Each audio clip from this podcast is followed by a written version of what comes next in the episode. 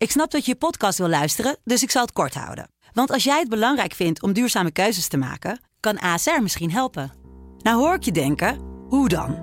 Nou, bijvoorbeeld bij het duurzaam herstellen van schade. Of de premies die we beleggen volgens ons duurzaam beleggingsbeleid. Dat bepaalt waar we wel en juist niet in investeren. Wil je meer weten over welke duurzame keuzes ASR maakt? Ga dan naar asr.nl slash duurzame keuzes. ASR doet het. Zo, dan kan je nu lekker naar je podcast luisteren. Het leenstelsel lag al een aantal jaar onder vuur. Tot 2015 konden studenten bij Ome Duo aankloppen voor gratis geld. Maar in de jaren daarna moesten studenten lenen met grote schulden tot gevolg. Maandag sprak de Tweede Kamer over de terugkeer van de basisbeurs. Moet de overheid zich schamen voor het leenstelsel of moeten studenten niet zo zeuren? Dat bespreken we met Lindsay Groot, Marlou Visser en Bram Laus. Dit is Generatie T. Voordat uh, deze podcast uh, begon heb ik jullie gevraagd allemaal even jullie duo erbij te pakken. Durft jullie dit allemaal? Hoe hoog zijn de studieschulden? Doet het pijn? Uh, Marlou? Klossen nou, oksels? Uh, nee, dat viel eigenlijk wel mee. Uh, ik keek er ze net op en hij was uh, al ietsje lager dan ik had verwacht. Mm -hmm. hij was net iets meer dan 7000 euro nog. Hij is op zijn hoogtepunt is hij 26.500 euro geweest. Ja, impressive of is dit een bedrag waarvan jullie schrikken, Bram, Lindsay? ja, een beetje wel. Ja, ik vond het wel heel vervelend net om, om, om naar die site te gaan om hem te openen. Ja? Ik wist het eigenlijk niet zo goed. Ik ben nog maar net begonnen met afbetalen. Oké. Okay. Um, en ik zit op 12.096 euro en 19 cent. Oké, okay. ja. Het zijn allemaal best wel forse bedragen, want ja. doen alsof het niks is. Lindsay! Ja, ik ben vooral onder de indruk van het uh, aflossingsbeleid uh, van, uh, van Marlou. Ja, ja, dat heb je snel gedaan. Ja, ik ben ook iets ouder ja. dan jullie. ik wil het niet weten, maar ik zeg het toch mee. Ik kan er wel mee naar de kroeg lopen. Hey, hoe hoog is jouw studieschuld? Ik heb hem al bijna afbetaald. Hoppa, let's go. Lekkere one-liner. Ja, goede one-liner. Ja, nee, ik heb uh, na het uh, doen van mijn master, ik heb twee studies gedaan. En daarna had ik een studieschuld van ruim 8000 euro. Mm -hmm. En uh, die heb ik drie jaar later afgetikt toen ik een huis wilde kopen. Dus ik heb me helemaal gek gewerkt en gespaard om dat te kunnen aflossen in één keer. Dus ik heb nul op de teller. Keurig. Uh, jullie hebben wel allemaal dus uh, geleend, toch? Niet zomaar het gratis geld uh, gekregen van, van Ome Duo, zoals het zo mooi heet. Hebben jullie het ooit uitgegeven aan hele domme shit? Of ben ik nou de enige die dat heeft gedaan? Hein, vertel. nou ja, ik, uh, ik ben echt zo'n student geweest, puur zang, hè, die uh, eigenlijk alleen maar dronk en geen reet uitvoerde. En we deden altijd op de 24ste kreeg je volgens mij altijd je stufie. Of de, ja, de 24ste ja. deden we een paar maanden lang, tot het niet meer leuk werd. Geen stufie, dubbel stufie. Dus dan gingen we de dag naar, uh, naar, het, dan gingen we naar het casino. En uh, nou, dan alles op rood. Je had of geen stufie of dubbel stufie. Jezus, Mina. Hoe lang heb je dit gedaan? Ja, we hebben dit drie maanden gedaan. Want de eerste twee maanden wonnen we dus. En ja, de derde maand dus niet. Ja. En dan was het wel meteen feest. Gingen we uit eten en natuurlijk meteen alles uitgeven. Want ja, zo ben je. Zo, wow. zo dom en naïef. Maar ook je geleende bedrag of alleen het... Nee, nee, nee. nee zo, dat kon me natuurlijk niet veroorloven. Nee, okay. Want daar moesten ja. natuurlijk andere... Uh, ja, daar moest ik sigaretten van kopen. En nee hoor. Hey, om een beetje in de sfeer te komen heb ik uh, een muzikaal hoogstandje klaargezet. Laten we even luisteren.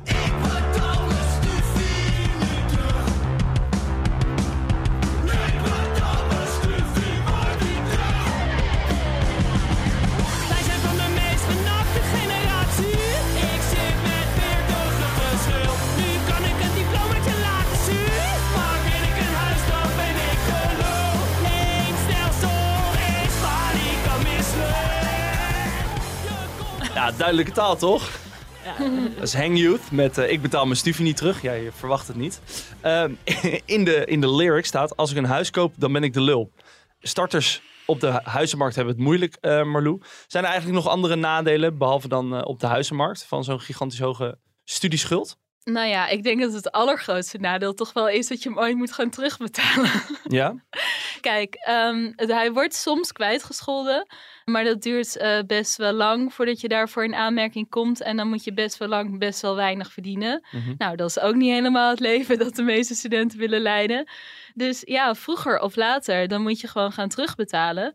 En dat is toch echt wel een nadeel. Ik bedoel, ik heb dus sinds dat ik afgestudeerd ben, en dat is bijna 13 jaar geleden, ben ik uh, ongeveer 150 euro per maand gaan terugbetalen. En dat is uh, nu nog steeds wel een bedrag waarvan ik denk, ja, daar zou ik best leuke dingen van kunnen doen. Ja, dus zeker. ja, dat je er moet gaan terugbetalen, dat is een nadeel.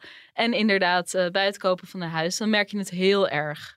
Nou hebben starters het op dit moment ook om allerlei andere redenen al niet zo makkelijk op de huizenmarkt. Maar, Maar, dan komt dit er ook nog eens bij. deze helpt niet mee. Nee, oké. Laten we even luisteren naar wat eh, andere studenten. Ah, verschrikkelijk. Ik heb wel schulden. Ik kan geloof ik maximaal ja, tegen de 900 euro lenen per maand. Dat heb ik ook een tijdje gedaan, ja, om toch alles te kunnen betalen. Ja, dan zit je na vier jaar op een studieschuld van eh 45.000 euro. Ja, ik leen maximaal. Eh, 900 per maand? Ja, voor Is mij dat voor mij? 1000, want ik ben uitwonend. Ik begin eh, met eigenlijk een 10-0 achterstand eh, ten opzichte van hoe het de afgelopen 40 jaar is eh, gegaan. 10-0 achterstand. Na zeven jaar gaat eh, de score misschien wel recht worden getrokken. Wat gaat er precies veranderen?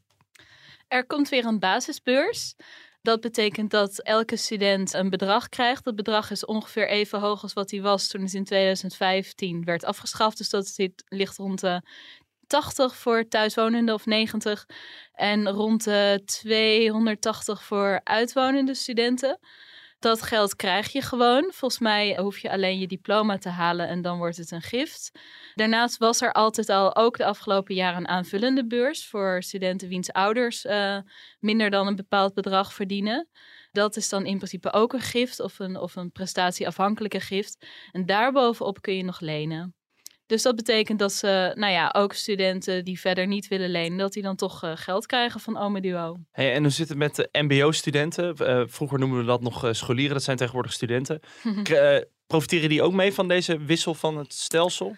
Nou, wat ik zelf ook niet helemaal wist, maar die Mhm. hebben de afgelopen periode nog gewoon een basisbeurs gehad. Dus dat blijft zo. Waarom zou dat- 3 en 4 waarom- studenten. Is daar een specifieke reden voor, denk je? Nou ja, dat, dat is destijds in stand gehouden. Gewoon om mensen wel aan te moedigen om die MBO-opleiding te gaan doen. Die startkwalificatie te halen. Ik denk ook dat destijds, maar dat weet ik niet 100% zeker hoor. Dat, eh, dat de redenering misschien is geweest dat MBO-scholieren, die hebben vaak ouders die ook wat lager opgeleid zijn. Dus dat die wat meer eh, hulp en steun verdienen. En dat mensen die naar het HBO en naar de universiteit gaan, dat die later vaak toch wel meer gaan verdienen. Dus dat eh, zij dan kunnen lenen, omdat ze dat dan later makkelijker terugbetalen. En misschien ook wel omdat we, eh, dat we natuurlijk, in, wat je zegt inderdaad, het stimuleren van het volgen van een mbo-opleiding. Ook wetende dat we juist aan dat soort lui ontzettende behoefte hebben op de arbeidsmarkt. Ja, ja, nee. zeker. Klinkt absoluut eh, plausibel.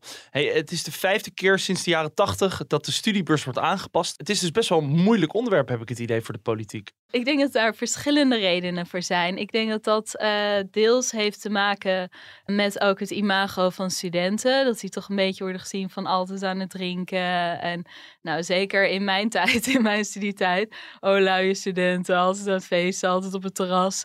En die krijgen dan een beetje gratis geld. Ja, en later worden ze dokter en advocaat. En dan, eh, Ja. nou ja, dan heb je hele rijke mensen heb je gratis geld gegeven. Ik bedoel, dat is wat anders dan, dan AOW'ers. Die worden altijd een beetje gezien als, als zielig en afhankelijk. En dan is het makkelijk om bij bezuinigingen te kijken naar studenten.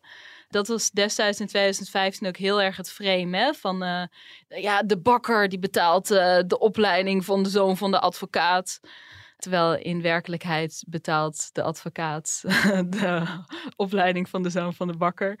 Als je naar feiten en cijfers kijkt. Maar goed, in de publieke opinie zijn studenten natuurlijk een vrij makkelijk doelwit.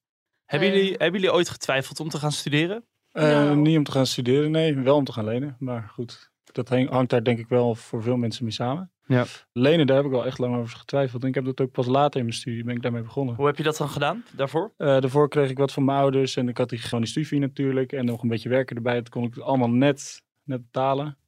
Ja, later wil je toch iets minder doen, iets meer feesten. Dus ja, dan ging ik toch maar lenen. Ja, dan zit je er midden in. Lindsay? Ja, mijn eerste opleiding, eh, HBO-opleiding, daar heb ik absoluut nooit over getwijfeld. En ik eh, had ook ouders die dat financierden. Dus ik hoefde toen niet te lenen. Maar ik, ik heb wel daarna besloten om een master te gaan doen. Die moest ik wel zelf betalen. En toen heb ik wel eventjes eh, gekeken van oké, maar dit gaat het kosten. Heb ik dat ervoor over? Ook wetende dat het niet per se een master is eh, waarvoor je betaald gaat worden voor dat beroep. Wat, eh, wat even... eh, Ja, Pure ik heb de ultieme geitenwolde nieuwsgierigheid? gedaan. culturele antropologie. Kijk, daar Nee. werd je natuurlijk op aangenomen bij de Telegraaf. Zeker. Antropoloog, die moeten we eh, hebben. die moeten we hebben, ja zeker. Nee, er is natuurlijk echt geen eh, levend wezen op de aardbol die wordt betaald omdat hij cultureel antropoloog is. Maar ja, het was wel voor mij, eh, ik wilde graag nog even... eh, We gaat allemaal studeren, hè, mensen. Ja. Ja. Nee, precies. Ja, ja, maar ja, ik wilde graag doorstuderen, want ja, ik was 21 en eh, nou ja, wel even gekeken, wat kost het nou? En eh, ik moet het gaan lenen misschien her en der. En eh, nou ja, die afweging gemaakt inderdaad. Marloes, je bent eh, financieel eh, journalist. Mhm. Ehm, hoeveel geld krijgt die pechgeneratie die tussen 2015 en 2023 gestudeerd heeft nou daadwerkelijk terug? Wat krijgen zij nog vergoed? Dat eh, hun schuld zal worden verminderd met ongeveer 1400 euro. Mhm. Ja, ze vonden het zelf nogal een schijntje. Ja, en daar is kan als je die iets... 45.000 euro schuld Ja. hebt. In, Ja. Gemiddeld was de schuld tussen de 15 en 18.000 euro. Nou, dat- Maar daar is ook iets mis mee, zei je Ja, net. daar, daar heb ik wel een verhaal over. Dat heb ik wel eens eh, uitgezocht eh, bij Duo. Hoe ze nou eigenlijk op dat eh, getal komen. En dat de gemiddelde schuld, dat betekent dus ja, de post die bij iedereen met een studieschuld nog open staat. Dus daarbij zitten zowel eh, de eerstejaars die net hun eerste maand hebben ontvangen. Maar ook de die nog een beetje paar tientjes moeten afbetalen. En hebben ze gekeken naar de gemiddelde schuld van iedereen met een schuld. Maar ja, eigenlijk moet je natuurlijk kijken naar de schuld op zijn hoogtepunt. Dus dat gemiddelde schuld, ja, dat lijkt veel lager, omdat er mensen in allerlei opbouw- en aflosfases eh, in zijn meegenomen. Ja, die redenering is natuurlijk vooral heel interessant voor Duo zelf. Hoeveel geld hebben we nou eigenlijk nog openstaan bij hoeveel mensen? Terwijl eh, in dit onderwerp is het veel interessanter om te kijken wat is nou de gemiddelde schuld van iemand die net is afgestudeerd. Ja. Precies. Ja, En dat, dat is niet bekend. Er zijn niet zulke goede cijfers van, eh, van overheidsinstanties. Ik geloof dat studentenvakbonden, die zijn er wel mee gekomen. En die zijn inderdaad in die pechgeneratie veel hoger. Maar het is ook heel lastig, omdat ehm, nou, mensen die voor 2015 zijn begonnen, zitten nog een beetje in het oude systeem, een beetje in het nieuwe systeem. En mensen die, ja, je studeert wel vier, vijf, zes jaar en pas daarna weet je hoeveel de schuld uiteindelijk is. Dus die data is niet helemaal compleet. Hoeveel de schuld is van mensen die volledig in die periode volledig hebben geleend en al klaar zijn, dus bij wie het al definitief is. Dus, maar dat is wel hoger dan die, die 15 tot 18. Hey, eh, critici van het leenstelsel stellen dat die schuld eh, jongeren ervan weerhoudt om te gaan studeren. Is dat ook echt zo? Nou, in absolute cijfers zie je dat niet. Want er is al eigenlijk decennia eh, dat het aantal mensen dat naar HBO en universiteit gaat toeneemt. En daar heeft de studieschuld eh, niet echt een heel erg dempend effect op gehad. Maar wat je wel ziet, is dat kinderen uit, uit milieus waar studeren niet per se vanzelfsprekend is, waarvan de ouders dat niet hebben gedaan, waar misschien ook wel een beetje mentaliteit heert van eh, ga maar gewoon in de thuiszorg werken, net als je moeder, dat is goed genoeg. Dat in dat soort gezinnen dat het wel een drempel opwerpt. En dat zijn eigenlijk juist de mensen die je wel met een zetje wil zeggen van joh, ga nou een vervolgopleiding doen, want dan ontstijg je een beetje het milieu waar je uitkomt. Duidelijk. Ehm, we gaan eerst eh, over milieuontstijgend gedrag naar een first world problem van onze Bram. Die zat heel lang in een jacuzzi. Ja.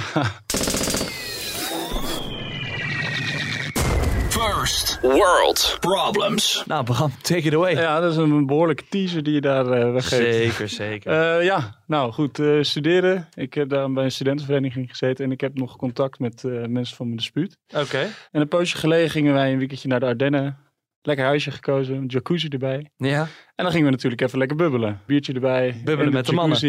Dus ja, maar op duur heb ik, heb ik zo lang in die jacuzzi zitten bubbelen. Toen ik eruit ging, was mijn, was mijn hele hand waren van die bejaardenhandjes geworden. En, en daarna kon ik drie dagen lang mijn, mijn telefoon niet meer unlocken met de fingerprint scannen. Omdat het, ja, mijn hele hand was gewoon een soort van ja, bejaard geworden, denk ik. Armoede. Holy shit, ouwe. Ja, dus daar heb, ik, daar heb ik het heel zwaar mee gehad natuurlijk. Drie dagen lang met mijn, met, in plaats van mijn vinger met mijn gezicht eh, dat ding unlocken. Ja, Nou, dan, dan weet je dat je het zwaar hebt. Gelukkig werd je gezicht nog herkend. Ja, dat, Nou, ja, dat is wel belangrijk, ja. Wauw. En nu? Nu, na een paar dagen heb ik hem eh, opnieuw ingesteld en het werkt weer perfect. Ja, ach, gelukkig. Ja. Je bent van het euvel ja, af. Happy ja, end. Ja, ja, ja. Wauw. Hoe betalen jullie nu voor jullie studie? Ja, mijn ouders die betalen dat. Ik krijg gewoon eh, van mijn ouders, die eh, betalen alles. Ja, zeker. Zo, Voor mij geldt hetzelfde inderdaad. Wat gaan jullie doen met het geld? ehm, tja, ehm, tras, denk ik. Eh, nee, gewoon toch iets leuks. ja, misschien iets leuks ervan Ja. doen, inderdaad. Gewoon eh, wel verdiend, denk ik. We werken hard Ja. genoeg. Inderdaad. En moeten ook veel lenen om te kunnen studeren en ergens in de stad te kunnen wonen. Dus eh, iets leuks plannen. Ja, Ja. hoor. Jongens, er is veel kritiek op eh, de nieuwe studiebeurs. Met name dat die te laag zou zijn. Moet je niet gewoon blij zijn met elke euro die we, die we krijgen, zomaar, van een regering? Nou ja, kijk, als je eh, in principe kun je natuurlijk zeggen ja. Maar het is best wel gek dat die bedragen van 2015 naar 2022... dat die niet echt omhoog zijn gegaan... terwijl we gillende inflatie hebben op dit moment. Mhm. Eh, vooral studentenkamers zijn echt knijterduur geworden de laatste jaren. Dus ja, dat studenten zeggen van ja, hallo, dit gaat niet eens mee met de inflatie. En andere mensen die gratis geld, ik zet het even tussen Ja, nee, maar uitkeringen, bijstandsuitkeringen en AOW bijvoorbeeld, dat gaat wel gewoon mee omhoog met de inflatie. Dus wat dat betreft vind ik dat ze best een punt hebben als ze zeggen van joh, ehm, ja, deze bedragen maar zijn natuurlijk helemaal niet meegestegen. Dat is wat de Dijkgraaf ook, die zei ook van de week. Minister van de Onderwijs. Minister van Onderwijs, dank je. Die zei ook van de week van nou ja, als je een, eh, een taart hebt, dan kun je hem langer maken, maar dan wordt hij niet per se breder van. En als je inderdaad gaat zeggen van nou ja, dat eh, bedrag eh, moet omhoog omdat de inflatie is, eh, daar is, ja, dan moet dat dus weer af van de compensatie voor de mensen die dus in dat wegsysteem vielen. Mhm. Dus ja, dan is het alsnog... eh, Beetje ja, krom. Een beetje krom, ja. Of nou ja, in ieder geval, er, er blijft 1 miljard open voor dat probleem. Dus Mhm. als je het daar weghaalt of daar erbij stopt, ja, dan gaat het ergens anders weer weg. Maar het is een politieke keuze geweest om te zeggen van nou de zak geld die we hiervoor reserveren is 1 miljard. Ja. er, zijn, er zijn wel meer dingen waar, waar ja, een financiële tegenvaller zijn. Maar is het niet een beetje, het klinkt een beetje alsof we, alsof we een beetje verwende kinderen zijn. Van ja, maar ho eens even, ho eens even. Dit, dit is ook duurder geworden. Ik wil meer geld. Ga- Je kan toch ook gewoon gaan werken? Nou ja, ik mag toch aannemen dat de gemiddelde student ook werkt. Los van het werken denk ik dat er zat studenten zijn die genoodzaakt zijn om, eh, om te lenen. Hoewel ik ook wel echt mensen ken die zijn gaan lenen onder het mom van eh, inderdaad gratis geld. Ik ken zelfs mensen die eh, maximaal hebben geleend en dat hebben door laten etteren omdat ze de inlog van hun DigiD kwijt waren. Om het schuifje naar links te zetten. Classy. Ja, dat is ook echt een hele eh, ja. ja, jongens. Zijn dat mensen met eh, de, de voorletters L en de achternaam groot of dat niet? Nee, nee, nee. Dan, dan kom je, dan kom je niet uit op 8K. Oké, oké. Nou ja, er zijn natuurlijk wel studies, eh, zoals bijvoorbeeld de PABO of eh, geneeskunde. Die zijn best wel 40 uur per week. Mhm. En sommige mensen kunnen dan inderdaad op zaterdag nog wel een bijbaantje hebben. Maar ja, eh, wij werken ook fulltime. We hebben op zaterdag ook geen bijbaantje meer. Althans, ik niet. Nee. Dus niet iedereen die trekt dat. En soms vraagt een studie ook gewoon heel veel van je. En dat het best wel, ja, dat je gewoon heel veel tijd in moet steken met eh, leren en huiswerk. Maar is Dus dat niet gewoon... is er niet altijd tijd Is voor niet- bijbaantjes. Is dat niet gewoon iets waar je voor tekent? Als je gewoon gaat studeren, dan weet je toch van ja, dit gaat gewoon heel veel geld kosten. Waarom moet de overheid dan opdraaien voor kosten van bijvoorbeeld een studentenkamer? Kan je toch ook gewoon bij je ouders blijven zitten en dan gewoon denken, ik ga die studie doen? Ik kom uit Middelburg en dat is denk ik behoorlijk lastig geweest als ik bij mijn ouders was blijven zitten. Dus voor Ja, de mensen die in de stad wonen en die dan naar een universiteit kunnen Nee, dat snap ik, maar behoorlijk, la- behoorlijk lastig. Dan Ja. ben ik het nog steeds niet met je eens, want je, ik denk dat je op een duur ook gewoon op je eigen benen moet gaan staan. En, Ja, maar, maar bij je waarom, ouders waarom, moet dat, waarom moet dat per se tijdens de studententijd? Er zijn ook studies die zijn maar op één plek in Nederland. Hè? Zoals bijvoorbeeld diergeneeskunde is alleen in Utrecht. Nou, als jij in Harlingen woont, dan ga je het echt niet redden om heen en weer te Ja, dan is het goedkoper om daar een kamer te huren dan om een NS-abonnement te En dat krijg je dan weer Ah, gratis. OV Oh, dat krijg krijg je dan goed, wel. ja. Ja, maar dan is dat gewoon onmogelijk qua Ja. tijd. Ja. Of je ouders wonen op Schiermonnikoog. Nou, succes ermee. Ja. Dus dat is niet altijd een optie om maar gewoon thuis te blijven wonen. Ook niet iedereen kan het even goed met zijn ouders vinden. Nee, maar dat ik, dat ik zeg dat je thuis blijft wonen, kijk, dat is natuurlijk het andere extreme, maar dat je geld krijgt om ergens anders te gaan wonen, dat vind ik Nee, maar je soms krijgt toch geld om, om je studie te betalen? Ja, precies. Zoals het zegt. Dus niet om een kamer te huren. Nou ja, maar ja, misschien is het ook wel, moet je die kamer huren om je studie zo goed mogelijk eh, te kunnen doen en je Ah, ja. daarop te kunnen richten. Oké. En het is toch ook gewoon een beetje zelfontplooiing? Ik bedoel, als iedereen eh, tot zijn 35ste thuis zou zitten, Dan? ik, dan, dan weet ik niet of... Ja, goed. Dan is de woningnood opgelost. Ja, dat is waar. Dat Ik zie alleen maar voordelen. de oplossing. Ja, maar wat dan? Nou ja, ik, ik geloof dat ik wel veel geleerd heb toen ik op kamers ging. Oké. En ik had het ook gewoon niet willen missen. Mag dat ik- ook nog eens. Ja, precies. Ja. Maar dat is iets anders. Ik had het niet willen missen. Of het Maar was noodzakelijk. Ik bedoel, het is toch prima dat je inderdaad dan geld gebruikt eh, wat je van de overheid op dat moment krijgt om dat soort dingen te doen. Alleen vind ik ook dat er, eh, nou ja, op het moment dus dat die studie is afgerond en je geconfronteerd wordt met die schuld. Ja, er is nog heel veel mogelijk. Hè? Ik bedoel, het is Mhm. niet het einde van de wereld als je een studieschuld hebt. Maar waar ik me heel erg over verbaas, is dat in een propeduisjaar bijvoorbeeld, je gaat studeren, je bent 18, de wereld ligt aan je voeten. Dat er dus niet een soort van voorlichting is van jongens, oké, jullie kunnen lenen, dat werkt zo, dit zijn de mogelijkheden. Maar weet ook dat als je gaat lenen, dat je aan het eind van de rit dus wel problemen kunt gaan ervaren met het kopen van een huis, eh, het afbetalen, of het rondkomen. Dus eigenlijk faalt, eh, want ik, ik was zo'n student. ik had echt geen idee. Ik was 18 of 19 toen ik ging studeren. Ik was alleen maar aan het drinken, aan het roken, aan het feesten. Aan, ja, gewoon, gewoon alleen maar dat en eten bestellen. En dat geld er doorheen aan het jagen. Het had mij op zich best wel geholpen als ik... eh, En dan nu mouwen dat je geen hypotheek kan krijgen? Of? Nee, ja, daar doe ik, eh, doe ik geen uitspraak over, want ik heb een hypotheek. Dus ja, ik, eh, ik ben wat dat betreft one of the lucky few. Maar ik, ik weet niet of... Zijn, zijn we echt de pechgeneratie? Vinden, vinden jullie die mensen die nu aan het Nou, zeiken zijn van... Ja, Ja, dat vind ik echt een pechgeneratie. Hun schuld is zoveel hoger. Mhm. En, en zij mogen dan ook 30 jaar doen over dat afbetalen. Holy fuck, 30 jaar. Dan ben je bejaard als je klaar bent. Nou, fijn dat vooruitzicht. echt een pechgeneratie. Ik kan me ook voorstellen Zo. dat het enorm drukt op je, op je studie. Dat je extra baalt als je een vak over moet doen. Want dan zit je dus Ja. weer een jaar langer eh, in, het, in het kutsysteem. En dat is dus ook een beetje met bijbaantjes. In mijn tijd eh, zei toenmalig staatssecretaris Mark Rutte. Oh, dat is wel heel lang Die- geleden dus. Ik zei al dat ik wat ouder Ik zei al dat ik wat ouder was. Ehm, die zei echt letterlijk tegen studenten: Ja, je kunt beter lenen dan een bijbaantje nemen. Richt je maar op je studie. Volg maar extra vakken. Mhm. Probeer maar excellent te zijn. Dat vond ik toen al echt, echt een kut-uitspraak. Hoe lang heeft hij zelf ook alweer gestudeerd? Acht jaar of zo? Ja. Zeker wel. Heel Ja. veel ministers trouwens. Ja. Maar dat werd gewoon echt aangemoedigd van jongens, je kunt beter lenen en dat betaal je later makkelijk terug. En het heeft toch geen effect op je hypotheek. Mhm. Nou, dat was dus ook niet zo. Ja. dat En hebben we gemerkt. Maar eh Lindsay zei net van, ja, je je kent mensen die vergeten hun wachtwoord en weten niet meer hoe ze het knopje naar links Ja. moeten zetten. Moeten we die dan ook bestempelen als pechgeneratie? Nee, zeker niet. Pech is gewoon als je geen andere optie hebt dan lenen om rond te kunnen komen, om je studie te kunnen betalen. Maar Ja. ik heb het over de mensen die dus gewoon dachten 900 euro, lekker, kan ik gewoon een schot in Frankrijk eh, mijn studententijd in. Zeker. En dan op een gegeven moment aan het eind van de rit staan te mouwen dat ze zo'n hoge schuld hebben. Ja, Ja. je had ook gewoon eh, anders kunnen leven. Het was niet nodig om zes keer per, week, Nou per ja, maand uit eten te gaan of wat dan Daar, ook. daar kun Alles je ook anders naar kijken. Een beetje vanuit economisch perspectief. Dan zien we toch wel dat de mensen die hebben gestudeerd, eigenlijk vooral HBO en universiteit, die hebben later ook de hoogste salarissen. Gewoon op macroniveau zie je dat terug. Eh, wat, wat profvoetballers en zo, die, die vallen er buiten. Maar op grote schaal is dat wel een beetje hoe het zit. En we hebben een progressief belastingstelsel. Wat betekent dat als je meer verdient, dan draag je veel meer bij dan als je minder verdient.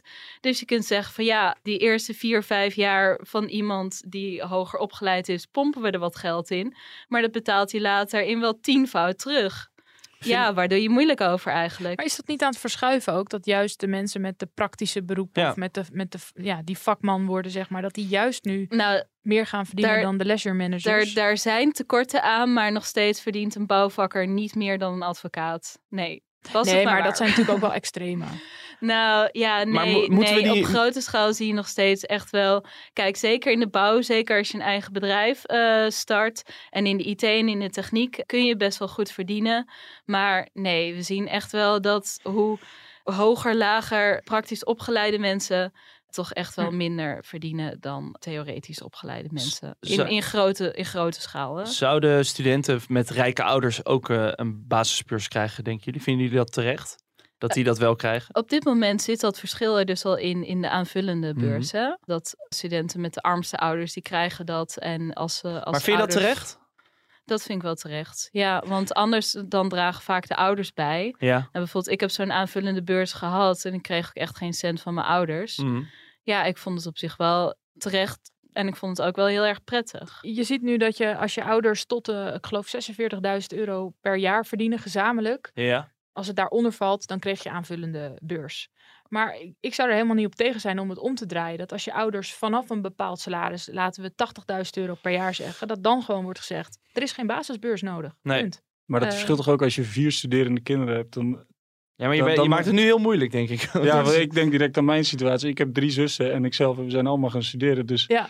Dan is het wat lastiger om te zeggen, ja, dit is het bedrag jongens. Dat is, ja, eh, dat is misschien een ratio die je erin mee kan nemen. ja, oké. Maar, jongens, weet je, het gaat over, nou, naar boven afgerond 100 voor thuiswonenden en, en 300 voor uitwonenden, minder nog. Ja. Terwijl iemand met bijstand, die krijgt ruim 1000, een AOW'er ook.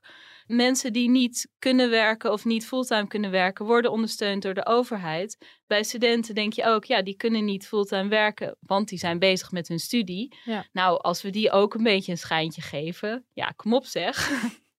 Mogen zij ook iets? Ja. Ja. Zij zijn de toekomst van de samenleving. Dus daar mag je best een beetje geld aan geven.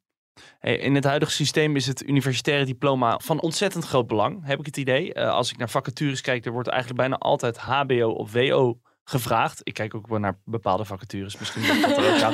Je Maar- kijkt niet naar vacatures voor kapper of voor stucadoor. Nee, maar, geval, eh. bijvoorbeeld, maar het, het systeem is er wel op gebouwd dat, dat er wordt aangemoedigd om door te studeren. Terwijl we eigenlijk toch steeds meer vakmensen nodig hebben. Hoe kijken jullie daarnaar?